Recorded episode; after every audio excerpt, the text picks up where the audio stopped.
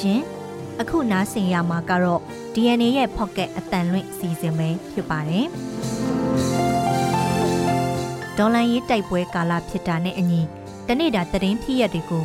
နှွေဦးဒေါ်လန်ရေးသတင်းတွေကပဲဖုံးလွှမ်းထားတတ်ပါတယ်။နှွေဦးဒေါ်လန်ရေးတဲ့ကလာတဲ့စစ်ရေးနိုင်ငံရေးသတင်းတွေအပြင်တနေ့တာသတင်းဖြစ်ရတွေတဲ့တခြားစိတ်ဝင်စားစရာလူမှုစီးပွားဘဝသတင်းတွေလည်းရှိနေတတ်ပါတယ်။ ဒီကနေ့မေလ31ရက်နေ့မှာရရှိတဲ့တနေ့တာသတင်းဖြစ်ရက်တွေကသတင်းတချို့ကို DNA ရဲ့ Pocket အတန်လွင့်အစီအစဉ်မှာစူးစီးဖော်ပြပေးလိုက်ပါတယ်။ဒီအစီအစဉ်ကိုတော့ကျွန်မနန်းခမ်းနဲ့အတူ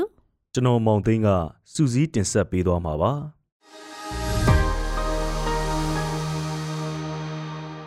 ပထမအဦးဆုံးသတင်းတစ်ပုဒ်အနေနဲ့တရုတ်စစ်ဘက်ထောက်လှမ်းရေးအကြီးအကဲမြန်မာနိုင်ငံကိုရောက်ရှိလာတဲ့သတင်းကိုပြောပြပေးပါမယ်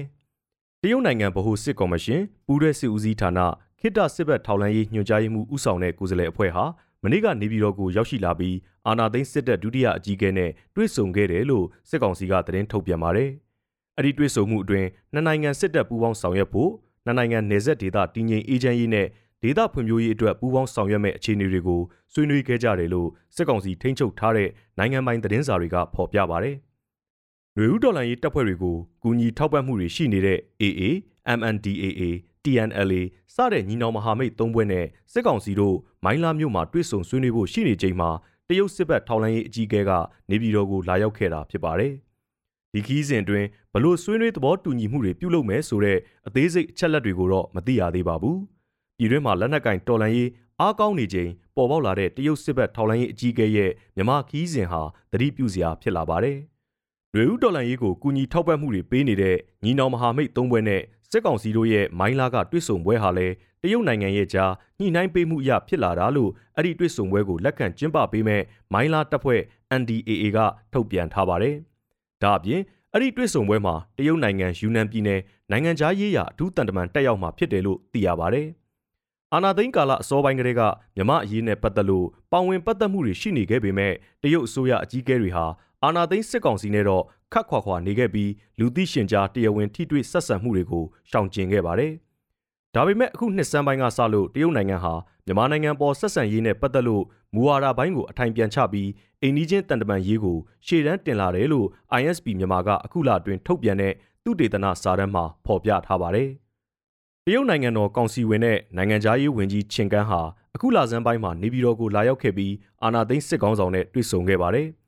ဒီတွေ့ဆုံမှုဟာအာနာသိန်းပြီးနောက်နှစ်နှစ်ကျော်အကြာမှာတရုတ်အစိုးရအကြီးအကဲတဦးနဲ့မြန်မာအာဏာသိမ်းစစ်ကောင်းဆောင်တို့ပထမဆုံးအကြိမ်တရားဝင်တွေ့ဆုံမှုဖြစ်ခဲ့ပါတယ်။ဝန်ကြီးချုပ်လီချန်ဦးဆောင်တဲ့တရုတ်နိုင်ငံတော်ကောင်စီသစ်ဖွဲ့စည်းမှုအပြီးမှာတရုတ်နိုင်ငံဟာမြန်မာနိုင်ငံရေးနဲ့ငြိမ်းချမ်းရေးကိစ္စတွေမှာအိမ်နီးချင်းမူဝါဒအသစ်နဲ့ထဲထဲဝင်ဝင်ပြန်လည်ချင်းကပ်လာပြီးနိုင်ငံခြားရေးဝန်ကြီးရဲ့မြန်မာခီးစဉ်မတိုင်မီခီးစဉ်အပြီးမတ်လကနေမေလအထိ3လအတွင်းနှစ်နိုင်ငံထိတွေ့ခဲ့တဲ့ကဏ္ဍလိုက်အကြောင်းအရာ80ခုထိရှိခဲ့တယ်လို့ ISP မြန်မာကဖော်ပြထားပါတယ်။ဆက်လက်ပြီးတော့သီမစ်လွင်ပြင်မှာလေကြောင်းကအတိုက်ခံရတဲ့ချင်းတော်လန်ရေးတပ်ဖွဲ့တွေအကြအဆုံးထပ်တိုးတဲ့ဆိုတဲ့အကြောင်းကိုပြောပြပါမယ်။ချင်းပြည်နယ်ဟာခါမြို့နယ်ထန်တလန်မြို့ကြားသီမစ်လွင်ပြင်တိုက်ပွဲမှာစစ်ကောင်စီကလေကြောင်းကတိုက်လို့ချင်းကာကွယ်ရေးပူးပေါင်းတပ်ဖွဲ့ဝင်အကြအဆုံးထပ်တိုးလာပြီးကြဆုံးသူ20ကနေ30ကျအထိရှိနေပြီလို့ CNTF တပ်မဟာတစ်ကဒါဝင်ရှိသူတဦးက DNA ကိုပြောပါတယ်။ ဒေါ်လန်ရေးပူးပေါင်းတပ်ဖွဲ့တွေဟာမနေ့ကတည်းကပြန်လည်ဆုတ်ခွာခဲ့လို့လက်ရှိမှာတိုက်ပွဲတော့မရှိတော့ဘူးလို့သူကပြောပါတယ်။စစ်ကောင်စီတပ်ကမေလ29ရက်ကလေကြောင်းကနေတိုက်ခိုက်လို့ချင်းကာကွယ်ရေးပူးပေါင်းတပ်ဖွဲ့ဝင်12ဦးကြာဆုံးတယ်လို့မေလ30ရက်မနေ့ကအတည်ပြုခဲ့ပေမဲ့နောက်ထပ်ကြာဆုံးမှုတွေရှိတယ်လို့လည်းဒီကနေ့မှထပ်မံပြောကြားတာပါ။ စစ်ကောင်စီတပ်ကအင်အား200ကျော်ဝန်းကျင်နဲ့စစ်ကြောင်းထိုးနေပြီးလေကြောင်းကပါဘုံကျဲတိုက်ခိုက်နေတာကြောင့်ချင်းကာကွယ်ရေးပူးပေါင်းတပ်ဖွဲ့တွေယမန်နေ့မေလ30ရက်ကတပ်ပြန်ဆုတ်တာလည်းဖြစ်ပါတယ်။စစ်ကောင်စီတပ်တွေဟာဟာခါနဲ့ထန်တလန်ကြားကတိမစ်လွင်ပြင်ဒေသကိုခြေကုပ်ယူပြီးထန်တလန်မြို့ကိုပြန်လည်ရယူဖို့မေလ25ရက်ကစပြီးတော့လေးချောင်းအသာစီးနဲ့တာမကလက်နက်ကြီးပစ်ကူနဲ့ပါအပြင်းအထန်ထိုးစစ်ဆင်နေတာလို့ CNTF တာဝန်ရှိသူကဆိုပါတယ်။ တပတ်ကြာမြင့်ပြီးဖြစ်တဲ့အဲ့ဒီထိုးစစ်မှာစစ်ကောင်စီစစ်ကြောင်းကအထိအခိုက်အကျဆုံးနဲ့ပတ်သက်ပြီး DNA သတင်းဌာနအနေနဲ့တိတိကျကျမသိရသေးပါဘူး။နောက်ထပ်သတင်းတစ်ပုဒ်အနေနဲ့ရဲစခန်းဒရုန်းနဲ့တိုက်ခိုက်ခံရပြီးလက်နက်ကြီးနဲ့ပစ်လို့အရက်သားတဦးသေဆုံးပြီးတဦးဒဏ်ရာရခဲ့တဲ့တဲ့တင်ကိုပြောပြပေးပါမယ်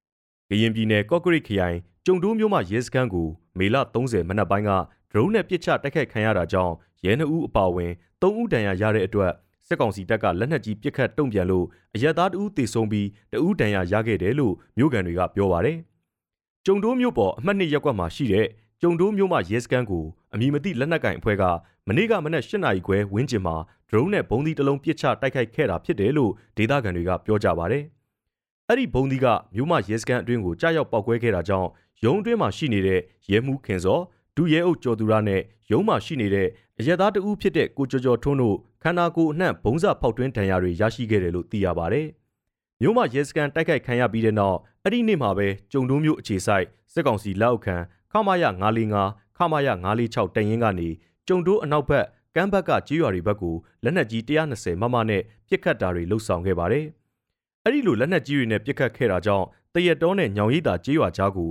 ကြားရောက်ပောက်ကွဲခဲ့ပြီးအရက်သားတဦးတေဆုံးကတဦးထိခိုက်ဒဏ်ရာရခဲ့တယ်လို့ညောင်ရိပ်သာရွာကန်ကပြောပါတယ်။ပြီးခဲ့တဲ့မေလ28ရက်ကလည်းကြုံတိုးမြို့အခြေဆိုင်ခမာယ946တရင်မှကျုံတိုးမြို့နယ်ကော့ကာကျေးရွာဘက်ကို120မမနဲ့105မမဟောင်ဝစ်စာလက်နက်ကြီးတွေနဲ့ပစ်ခတ်မှုကြောင့်အရက်သား3ဦးဒဏ်ရာရရှိခဲ့ကနေအိမ်6လုံးလည်းပျက်စီးခဲ့တယ်လို့ KNU ဒူပလာယာ KN ကထုတ်ပြန်ထားပါတယ်။မုံတိုင်းသိမ့်ရခိုင်မှာကျောင်းတွေဖွင့်ဖို့အစင်မပြေသေးဘူးဆိုတဲ့အကြောင်းကိုဆက်လက်ပြောပြပေးပါမယ်ရှင်။ သက်ကောင်စီကတနိုင်ငံလုံးမှာမနှက်ဖြန်ကစလို့ကျောင်းတွေစတင်ဖွင့်လှစ်ဖို့ညွှန်ကြားထားပေမဲ့ရခိုင်ပြည်နယ်မှာတော့မုံတိုင်းကြောင့်ပျက်စီးသွားတဲ့စာတင်ကျောင်းတွေကိုပြုပြင်နိုင်ခြင်းမရှိသေးလို့ကျောင်းတွေဖွင့်ဖို့အစင်မပြေနိုင်သေးဘူးလို့ဒေသခံတွေနဲ့ပညာရေးဝန်ထမ်းတွေကပြောကြပါဗျ။မနေ့ပြန်အတင်းဖွင့်ခိုင်းနေတယ်လေဘလို့ဖွင့်ရမလဲ။ကျောင်းတစ်ခုလုံးဘာမှမကြံခဲ့တာကိုပြန်လုတ်ပေးတာလည်းမရှိသေးဘူး။ကျောင်းတွေဘာမှမလုတ်ရသေးဘူး။မြို့ပေါ်မှာလောက်ပဲလှုပ်နေသေးတာ။ နေကကျောင်းတွေဆိုရင်ဘာမှတော့မလုတ်ရသေးဘူး။ကျွန်တော်တို့ကျောင်းဆိုဒီအတိုင်းဟင်းလင်းပြင်ကြီးလို့ရသိတောင်မြို့နယ်မှာမူလတန်းကျောင်းအုပ်တူက DNA ကိုပြောပါတယ်။ရခိုင်ပြည်နယ်မြောက်ပိုင်းကိုဥတီဝင်ရောက်တိုက်ခတ်ခဲ့တဲ့မိုးခါမုန်တိုင်းကြောင့်စာသင်ကျောင်းပေါင်း2000ကျော်ပျက်စီးသွားခဲ့ပြီးအဲ့ဒီကျောင်းဆောင်တွေကိုကျောင်းဖွင့်ရဲ့ဇွန်လတရက်နေ့အမီပြန်ဆောက်ပေးမယ်လို့ပြည်내စက်ကောင်စီကပြောထားပေမဲ့လက်တွေ့မှာပြင်ဆင်မှုတော့မဆနိုင်သေးတဲ့ကျောင်းတွေအများအပြားရှိနေသေးတယ်လို့ပညာရေးဝန်ထမ်းတွေကပြောပါတယ်။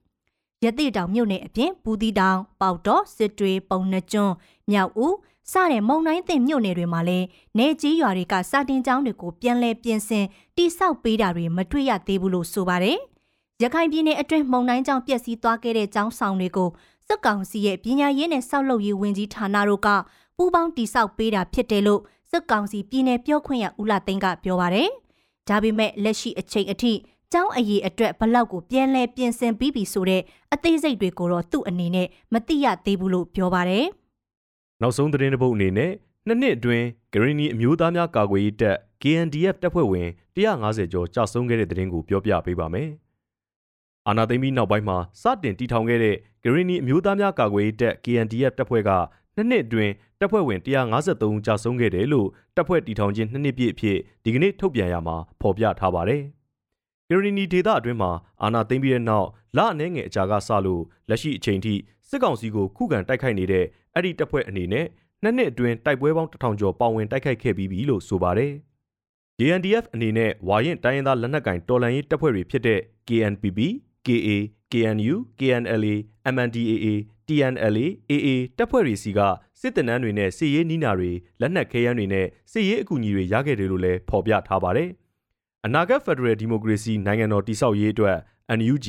NUCC နဲ့ CRPH တို့ရဲ့ရည်တည်မှုနဲ့လုပ်ငန်းစဉ်တွေမှာ KNDF အနေနဲ့ကရင်နီပြည်တိုင်မငန်ကောင်စီ KSCC ကတဆင့်စက်ပူးပေါင်းဆောင်ရွက်သွားမယ်လို့လည်းဒီကနေ့ထုတ်ပြန်ချက်မှာဖော်ပြထားပါတယ်။အခုနိုင်ငံတကာသတင်းအစီအစဉ်ကိုကိုမောင်သိန်းကဆက်လက်တင်ဆက်ပေးပါမယ်။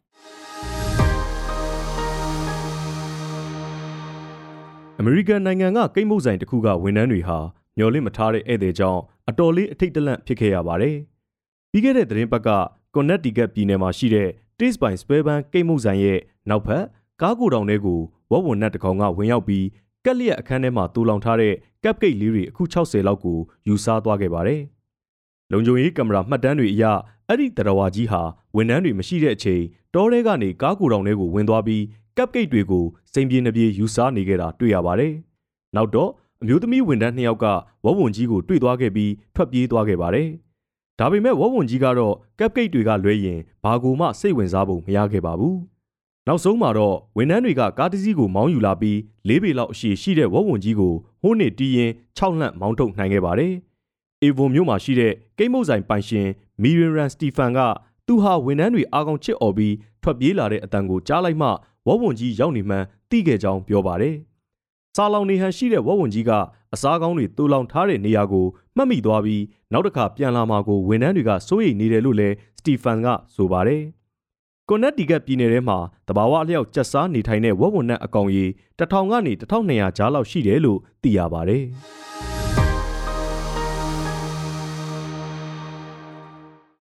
ဆိုဖီယာဆာလိုမွန်ဟာလာမယ့်ဗင်နီဇွဲလားအလှမယ်ပြိုင်ပွဲအတွက်ပါဝင်ရှင်ပြိုင်ဖို့ပြင်ဆင်နေသူတူပါ။သူဟာပြိုင်ပွဲမဝင်ခင်ကရေကူးဝစ်စုံညနေခင်းပွဲတက်ခေါင်းဝင်ရှည်တွေနဲ့ဓာတ်ပုံရိုက်ခံရင်းအလုတ်ပေါ်အာယုံစူးစိုက်မှုအပြည့်ရှိနေခဲ့ပါတယ်။မော်ဒယ်တူကပြိုင်ပွဲအကျိုးအလှပြဓာတ်ပုံတွေရိုက်နေတယ်ဆိုတာဟာလုံယိုးလုတ်စင်တာမန်ကိစ္စလို့အပေါ်ယံယူဆနိုင်ပေမဲ့ဆာလိုမွန်ကတော့သမိုင်းသစ်တစ်ခုကိုဖန်တီးဖို့မျှော်လင့်ရင်းတက်ကြွနေပါတယ်။ တကယ်တော့ဆာလိုမွန်ဟာအမျိုးသမီးစစ်စစ်မဟုတ်ပါဘူး။အမျိုးသားဘဝကနေလိန်ပြောင်းလဲခွဲစိတ်မှုခံယူထားသူတူပါ။အသက်25နှစ်အရွယ်မော်ဒယ်ကသူဟာနိုင်ငံသမိုင်းမှာဗင်နီဇွဲလားအလှမဲ့တရဖူကိုစောင်းခွင့်ရတဲ့ပထမဆုံးလိန်ပြောင်းလဲထားသူအဖြစ်မှတ်တမ်းဝင်နိုင်ဖို့မျှော်လင့်ထားကြောင်း AFP ကိုပြောပါတယ်။လူတိုင်းကတရဖူဘယ်သူရမလဲဆိုတာကိုရင်ခုန်စောင့်မျှော်နေကြောင်းသူကတော့တမိုင်းတစ်တစ်ခုဖန်တီးနိုင်ဖို့စိတ်လှုပ်ရှားနေကြောင်းဆာလိုမွန်ကဆိုပါတယ်။ စီးပွားရေးနဲ့တခြားအကြက်တဲတွေကြားနစ်မောနေတဲ့ဗင်နီဇွဲလားမှာအမျိုးသမီးတွေရဲ့စိတ်ကူးယဉ်ကျင်စရာအသက်မွေးဝမ်းကြောင်းဘဝရွေးချယ်မှုတစ်ခုကအလှမဲ့ပြိုင်ပွဲတွေပါ။တောင်အမေရိကဒေသတွင်းကနိုင်ငံလေးမှာလှပချောမောပြီးထက်မြက်တဲ့မိန်းကလေးတွေဟာမော်ဒယ်ဘဝကိုရွေးချယ်ပြီးပြိုင်ပွဲတွေဝင်ရောက်ရှင်ပြိုင်ကြလိမ့်ရှိပါတယ်။ပြည်တွင်းမှာလည်းအဲ့ဒီလိုပြိုင်ပွဲတွေကိုလူတန်းပေါင်းများစွာကရုပ်မြင်တန်ကြားကနေအခကြေးငွေပေးချေပြီးကြည့်ရှုကြရပါတယ်။ ဗင်နီဇွဲလားမှာရွှေရှည်တွယ်တွယ်နဲ့ချောမောတဲ့မိန်းကလေးတဦးအရွယ်ရောက်လာတဲ့အခါအလှမယ်ပြိုင်ပွဲဝင်သင့်တယ်လို့ပေါင်ဝင်းကျင်ကဝိုင်းအကြံပေးကြကြောင်းအခုဆိုရင်အဲ့ဒီကိစ္စကဒလိထုံးစံတစ်ခုလိုတောင်ဖြစ်လာကြောင်းဆာလိုမွန်ကရှင်းပြပါတယ်။ဗင်နီဇွဲလားရဲ့နိုင်ငံကိုစားပြုအလှမယ်ပြိုင်ပွဲမှာပါဝင်မှုစကားတင်24ဦးကိုအခုသတင်းပတ်မှာထုတ်ပြန်သွားမှာဖြစ်ပြီးဆာလိုမွန်ကလည်းအဆိုပြုလျှောက်ထားသူတူဖြစ်ပါတယ်။ သူဟာလိန်ပြောင်းလဲထားသူတူဖြစ်တာကြောင့်ဒီပြိုင်ပွဲမှာပါဝင်ခွင့်ရှိသင့်မရှိသင့်အငင်းခုန်တွေကလည်းအတော်လေးပြင်းထန်နေပါတယ်။အထူးသဖြင့်လိန်တူစုံမက်မှုကိုစန့်ကျင်တဲ့အတိုင်းဝိုင်းမှာအဲ့ဒီအတန်တွေအယမ်းကျယ်လောင်နေပါတယ်။ဆာလိုမွန်ကသူလူမှန်းတိတက်စကလေးကသူ့ရွေးချယ်မှုကိုအဖေအမေနဲ့မိသားစုကအပြည့်အဝနားလည်ထောက်ပံ့ပေးခဲ့ကြောင်းသူ့ရဲ့ကလေးဘဝကလည်းလေးစားမှုနဲ့ချစ်ချင်းမြတ်တာတွေပြည့်ဝတဲ့ပတ်ဝန်းကျင်ကြောင့်ပျော်စရာကောင်းခဲ့ကြောင်း ကိုပိုင်ခံယူချက်ကိုလူတိုင်းသိအောင်ပြသခွင့်ရထားတဲ့အခါနေထိုင်ရတာပိုလွတ်လပ်သွားပြီးဗင်နီဇွဲလားပြည်သူတွေကလည်းသူ့ဖြစ်တည်မှုကိုလက်ခံနားလည်ပေးဖို့မျှော်လင့်ကြောင်းပြောပါတယ်။ဆာလိုမွန်ကိုပြိုင်ပွဲဝင်ခွင့်ပေးဖို့အစီအစဉ်ရှိမရှိအလှမဲ့ပြိုင်ပွဲကိုတာဝန်ရှိသူတွေစီ AFP သတင်းဌာနကဆက်သွယ်မေးမြန်းခဲ့ပေမဲ့ဘာမှတ်ချက်မှမပေးခဲ့ပါဘူး။ဆာလိုမွန်ဟာမနစ်တုန်းကထိုင်းနိုင်ငံကိုတွားရောက်ပြီးလိန်ပြောင်းလဲထားတဲ့အမျိုးသမီးတွေရဲ့အကြီးအကျယ်ဆုံးအလှမဲ့ပြိုင်ပွဲဖြစ်တဲ့ Miss International Queen ပြိုင်ပွဲမှာရှင်ပြိုင်ခဲ့ပြီးထိပ်ဆုံး6ဦးစီးရင်မှာပါဝင်ခဲ့ပါတယ်။အခုတော့မဲဆက်ကြဝဠာနဲ့မဲကဘာပြိုင်ပွဲတွေမှာလိန်ပြောင်းလဲမှုခံယူထားတဲ့မိန်းကလေးတွေကိုလက်ခံလိုက်ပြီးဖြစ်တာကြောင့်ဗင်နီဇွဲလားအလှမယ်ပြိုင်ပွဲမှာသူကိုယ်တိုင်လည်းအခွင့်အရေးရနိုင်မှုယုံကြည်ကြောင်းလဲဆာလိုမွန်ကပြောကြားသွားပါတယ်။ဒါဟာသူတဦးရဲ့အောင်မြင်မှုအတွက်မဟုတ်ဘဲဗင်နီဇွဲလားမှာခွဲခြားနှိမ့်ချဆက်ဆံနေရတဲ့ LGBT အတိုင်းဝိုင်းအလုံးအတွက်ထားရှိတဲ့ရည်မှန်းချက်လို့သူကဆိုပါတယ်။ လက်ရှိအချိန်ထိတော့ဗင်နီဇွဲလားလူအဖွဲ့အစည်းမှာအများစုကဆာလိုမွန်ဟာတေချာပေါက်ပြိုင်ပွဲဝင်ခွင့်ရသင့်တယ်လို့ဝိုင်းဝန်းအားပေးထောက်ခံနေကြပါတယ်။ဗင်နီဇွဲလားမှာလိန်ပြောင်းလဲထားသူတွေအလှမဲ့ပြိုင်ပွဲဝင်ခွင့်ရှိသလားမရှိသလားဆိုတာကိုတတ်တတ်မှတ်မှတ်ဥပဒေပြဋ္ဌာန်းမထားပါဘူး။တောင်အမေရိကဒေသတွင်းမှာတော့2012မှာအာဂျင်တီးနားကစပြီးလိန်ပြောင်းလဲထားသူတွေအလှမဲ့ပြိုင်ပွဲဝင်ဖို့ခွင့်ပြုခဲ့ပြီးဥရုဂွေ၊ကိုလံဘီယာ၊အီကွေဒေါနဲ့ ပီရူးတို့ကလည်းအဲ့ဒီလမ်းစဉ်ကိုလိုက်ခဲ့ကြတယ်လို့သိရပါတယ်။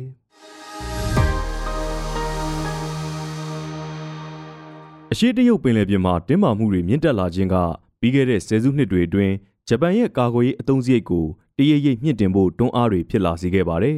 ။ဒုတိယကမ္ဘာစစ်နောက်ပိုင်းမှာစစ်မှတ်ဝါဒကိုစန့်ကျင်တဲ့နိုင်ငံတစ်ခုအဖြစ်ဘီဘီပြင်းပြင်းရပ်တည်ခဲ့ပေမဲ့အိန္ဒိချင်းတရုတ်ရဲ့အင်အားကြီးထွားလာမှုမြောက်ကိုရီးယားရဲ့ချိန်ချောက်မှုတွေကြောင့် ဂျပန်ဟာအခုအခါမှာတော့ကာကွယ်ရေးအသုံးစရိတ်ကိုမြင့်တင်လာသလိုစစ်အင်အားနဲ့စစ်ရေးနည်းပညာတွေကိုလည်းဖြည့်တင်းမြင့်တင်လာခဲ့ပါတယ်နိုင်ငံရဲ့ကာကွယ်ရေးကဏ္ဍအတွက်မဟာမိတ်အမေရိကန်ကိုအလုံးစုံမိခိုနေရတဲ့အခြေအနေကနေရုန်းထွက်ဖို့ဂျပန်အစိုးရကကြိုးစားလာပြီးအဲ့ဒီအားထုတ်မှုရဲ့နောက်ဆက်တွဲအဖြစ်ဆွေးနွေးညှင်းခုန်စရာတွေလည်းအများကြီးရှိလာပါတယ်။ရေဘူးရအနေနဲ့ပြောရရင်တော့စစ်မှတ်အင်အားပိုတောင့်တင်းတဲ့ဂျပန်ဟာပိုပြီးလုံခြုံဘေးကင်းတဲ့ဂျပန်လည်းဖြစ်နေမှာပါ။ဒါပေမဲ့ ဂျပန်ရဲ့စစ်အင်အားချဲ့ထွင်မှုအရှိန်ရလာလေးလေးတရုတ်ရဲ့ပုတ်တိုက်မှုတွေပိုပြင်းထန်လေးလေးဖြစ်လာမှာကိုပြည်တွင်းမှာစိုးရိမ်နေသူအများပြားလဲရှိနေပါသေးတယ်။အထူးသဖြင့်ဂျပန်ရေပိုင်နက်အစွန်ဖျားကကျွန်းစုတွေမှာအခြေချနေထိုင်သူတွေကပင်လယ်ပြင်မှာစစ်ရေးတင်းမာမှုအငွေ့သက်တွေပုံမူဖုံးလွှမ်းလာတာကိုမလိုလားကြပါဘူး။ဂျပန်ရဲ့တမိုင်းကြောင်းဟာရှေလျားရှုပ်ထွေးပြီးစစ်ပွဲတွေနဲ့ထုံမွှန်းနေခဲ့ပါတယ်။ပြီးတော့တမိုင်းကြောင်းကိုပြန်ကြည့်ရင်ကိုရီးယားတရုတ်နဲ့ ရုရှားတို့လိုဒေသတွင်းအိမ်နီးချင်းနိုင်ငံတွေနဲ့စစ်မှတ်ရေးရာပြိုင်ဆိုင်မှုတွေကိုခါးသီးတဲ့မှတ်တမ်းတွေအနေနဲ့မြင်နိုင်ပါတယ်။စစ်တမ်းကိုကိုယ်တိုင်ခန်းစားခဲ့ရတဲ့မျိုးဆက်တွေကဂျပန်အနေနဲ့စစ်မှတ်မလိုလားတဲ့ဝါဒဆွဲကိုစွန့်လွတ်မဲ့လမ်းကြောင်းစီပြန်ဥတီလာတာကိုမလိုချင်ကြပါဘူး။ဒါပေမဲ့တစ်ဖက်မှာလည်းဂျပန်အစိုးရကစစ်အင်အားပြန်ထူထောင်ဖို့လုံလောက်တဲ့ခိုင်လုံတဲ့အကြောင်းပြချက်တွေရှိနေတာကိုညင်းလို့မရပါဘူး။ အရှိတရုတ်ပင်လယ်ထဲမှာတရုတ်ကလေရင်တင်သင်္ဘောကြီးတွေဆေလွတ်ပြီးစစ်ရေးလေ့ကျင့်ပြတာမျိုးအပါအဝင်စစ်ရေးလှုပ်ရှားမှုတွေကိုမြင့်တင်လာတဲ့အတွက်ဂျပန်ကလည်းလက်တွေ့ကြကြတုံ့ပြန်လာပါတယ်။ဂျပန်ဟာအရှိတရုတ်ပင်လယ်ထဲကအစွန်ဖျားကျွန်းသိမ်ကျွန်းမွှားတွေမှာ2019ကစလို့စစ်စခန်းတွေချဲ့ထွင်တိစောက်ပြီးကာကွယ်ရေးအစီအမံတွေကိုချဲ့ထွင်လာခဲ့ပါတယ်။စိတ်ဝင်စားစရာအခြေအနေတစ်ခုကဂျပန်မှာအမေရိကန်ရဲ့အဓိကစစ်စခန်းကြီးအခြေစိုက်ရာအိုကီနာဝါရဲ့တောင်ဘက်ကအိရှိဂါဂီကျွန်းမှာ ဂျပန်စစ်အခြေစိုက်စခန်းအသစ်တစ်ခုတိုးလာခြင်းပါပဲ။အဲ့ဒီနေရာဟာတရုတ်ကအင်အားသုံးသိမ့်ပိုက်မဲ့တကယ်ကဲနဲ့အစဉ်တစိုက်ချင်းချောက်နေခဲ့တဲ့ထိုင်ဝမ်ကျွန်းနဲ့ကီလိုမီတာ280ပဲဝေးပါတယ်။နောက်ပြီးဂျပန်ဟာတောင်ပိုင်းကျွန်းစုတွေမှာ2026ခုနှစ်နောက်ဆုံးထားပြီးတရုတ်ပိုင်နက်ထိရောက်ရှိနိုင်တဲ့တာဝေးပစ်ဒုံးကျည်တွေဖြန့်ကျက်ဖို့လဲစီစဉ်ထားပြီးဖြစ်ပါတယ်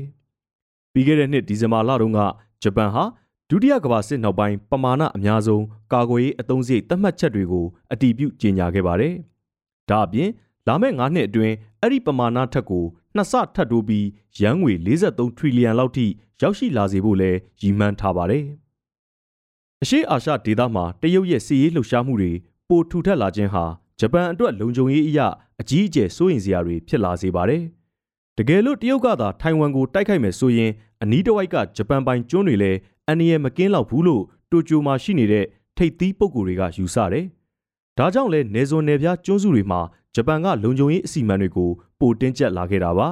။ဒါပေမဲ့အဲ့ဒီလောက်ရက်ကပဲပြိပခတွေကိုဖိတ်ခေါ်ဖို့ပိုပြီးတွန်းအားပေးရရောက်နေတယ်လို့ဒေသခံတွေကခန်းစားနေရတာကြောင့်ဖြစ်ပါတယ်။တရုတ်ပြင်မြောက်ကိုရီးယားနဲ့ရုရှားတို့ကလည်းဂျပန်ရဲ့လုံခြုံရေးဆိုင်ရာစိန်ခေါ်မှုတွေကိုတတတအားဖြည့်ဆည်းပေးလိရှိပြန်ပါသေးတယ်။မြောက်ကိုရီးယားဟာ ဒါဇင်ပေါင်းများစွာသောဒုံးကျည်တွေကိုဂျပန်နိုင်ငံရဲ့ကမ်းလွန်ဂျပန်ပင်လယ်ထဲပုံမှန်စမ်းသပ်ပစ်ခတ်ပြနေကြဖြစ်ပါတယ်။တခါတလေဂျပန်လေပိုင်နက်ကိုပါကြော်ပြီးမြောက်ကိုရီးယားကတာဝေးပစ်ဒုံးကျည်တွေစမ်းသပ်လိရှိပါတယ်။ရုရှားကလည်းကြုံရင်ကြုံသလိုဂျပန်ကိုအကဲဆန်းနေတာပါ။လောလောလတ်လတ်အဖြစ်မေလ25ရက်ကဂျပန်ကမ်းရိုးတန်းသားထိရုရှားစပိုင်လေယာဉ်တွေချင်းကပ်ပြန်တန်းပြခဲ့လို့ဂျပန်ပြည်ဆောင်တက်ရဲ့တိုက်လေယာဉ်တွေအလောတကြီးပြန်တက်ပြီးအခြေအနေစောင့်ကြည့်ခဲ့ရပါသေးတယ်။ ခြုံပြောရရင်တော့တောင်ကိုရီးယားကလွှဲရင်ဒေတာတွင်လက်လန်းမီယာနိုင်ငံအလုံးကမိတ်ဆွေမဟုတ်ဘဲရန်လိုတဲ့အိမ်နီးချင်းတွေဖြစ်နေကြတယ်လို့ဂျပန်အစိုးရကယူဆထားပါတယ်။ဒါကြောင့်စစ်အင်အားကိုတိုးချဲ့ခြင်းပါတယ်။ဒါပေမဲ့ဂျပန်ရဲ့စစ်မှတ်ပစိဖိတ်ဝါဒအခြေခံဖွဲ့စည်းပုံဥပဒေကနိုင်ငံရဲ့ကာကွယ်ရေးအင်အားချဲ့ထွင်မှုတွေကိုကန့်သတ်ထားပါတယ်။ဒါကြောင့်လဲဂျပန်ဟာဆယ်စုနှစ်တွေနဲ့ချီပြီးအမေရိကန်ရဲ့အကာအကွယ်လောင်းရိပ်အောက်မှာရပ်တည်နေခဲ့ရပါတယ်။အခုတော့ပြည်တွင်းမှာ စစ်အင်အားချဲ့ထွင်သင့်ပြီလို့တောင်းဆိုတဲ့အင်အားစုတွေနဲ့မူရင်းပစိဖိတ်ဝါဒကိုလက်ကင်ထားလိုတဲ့အဖွဲ့တွေကွဲပြားနေပါတယ်။အမေရိကန်နိုင်ငံဒါမော့ကောလိပ်ရဲ့ကာကွယ်ရေးသိပ္ပံလက်ထောက်ပေါမောက်ခဂျနီဖာလင်းကတော့ဂျပန်ဟာကာကွယ်ရေးရည်မှန်းချက်ကိုလက်ကင်ထားတဲ့စစ်အင်အားတိစောက်မှုတွေကိုပြီးပြီးပြင်းပြင်းအကောင့်ထဲဖော်နေပြီလို့သုံးသပ်ပါတယ်။တရုတ်ရဲ့စစ်အင်အားကကြောက်ခမန်းလိလိတိုးပွားလာတဲ့အတွက်ဂျပန်ကလည်းတုံ့ပြန်ဖို့မဖြစ်မနေလိုလာတာကြောင့်ကြိုးကြောင်းစီလျော်တယ်လို့သူကဆိုပါတယ်။ တရုတ်ကတော့ဂျပန်ရဲ့ကာကွယ်ရေးမူဝါဒအပြောင်းလဲကိုပြင်းပြင်းထန်ထန်ဝေဖန်ခဲ့ပြီးဒေသတွင်းမှာပြိပခါတွေတင်းမာမှုတွေပိုတိုးလာအောင်ဖိတ်ခေါ်နေတာသာဖြစ်တယ်လို့ဆွဆွဲခဲ့ပါတယ်။ဒါပေမဲ့ပေါမောက်ခလင်းကတော့တကယ်ဆိုရင်ဂျပန်ဟာကာကွယ်ရေးစွမ်းရည်ချဲ့ထွင်ကြတဲ့ပြိုင်ပွဲမှာတာထွက်တောင်အတော်နှိမ့်နှိမ့်နေခဲ့ပြီဖြစ်တယ်လို့ပြောပါတယ်။တကယ်တော့အာရှတိုက်မှာလက်နက်အပြိုင်တက်ဆင်မှုတစ်ခုဟာကောင်းကောင်းအရှိန်ရနေပြီဖြစ်ပြီးတရုတ်ဟာလွန်ခဲ့တဲ့ဆယ်စုနှစ်တချို့ကတည်းကကာကွယ်ရေးနည်းပညာတွေကို ထိထိရောက်ရောက်မြင့်တင်နေခဲ့ကြောင်းသူကထောက်ပြခဲ့ပါတယ်။အခုအခါမှာတော့ဂျပန်ဟာလုံခြုံရေးအရာစိတ်မချရတော့ဘူးလို့ခန်းစားရတဲ့အတွက်ကဒိုက်ကရိုက်နဲ့အမိလိုက်ဖို့စ조사လာတာဖြစ်ကြောင်းဂျပန်ရဲ့အားထုတ်မှုကအရှေ့အာရှမှာပါဝါဟန်ချက်ပြန်ညှိနှိုင်းရေးအတွက်ရည်ရွယ်ထားကြောင်းသူကမှတ်ချက်ပေးခဲ့ပါတယ်။ဂျပန်အစိုးရရဲ့စစ်အင်အားပြန်လည်တည်ဆောက်မှုဟာလက်တွေ့ကျပြီးကြိုးကြောင်းစီလျော်တယ်ဆိုပေမဲ့စိုးရိမ်မှုတွေသဘောထားကွဲလွဲမှုတွေကတော့ဆက်ပြီးရှိနေအောင်မှာပဲဖြစ်ပါတယ်။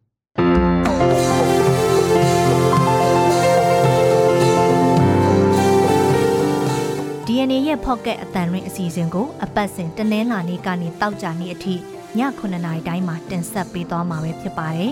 ။ဒီအစီအစဉ်ကိုတော့ DNA ရဲ့ Facebook Page ကနေအပြင် Anchor, Spotify နဲ့ Google Pocket တို့တွေကနေတဆင့်လဲနားဆင်နိုင်ပါတယ်ရှင်။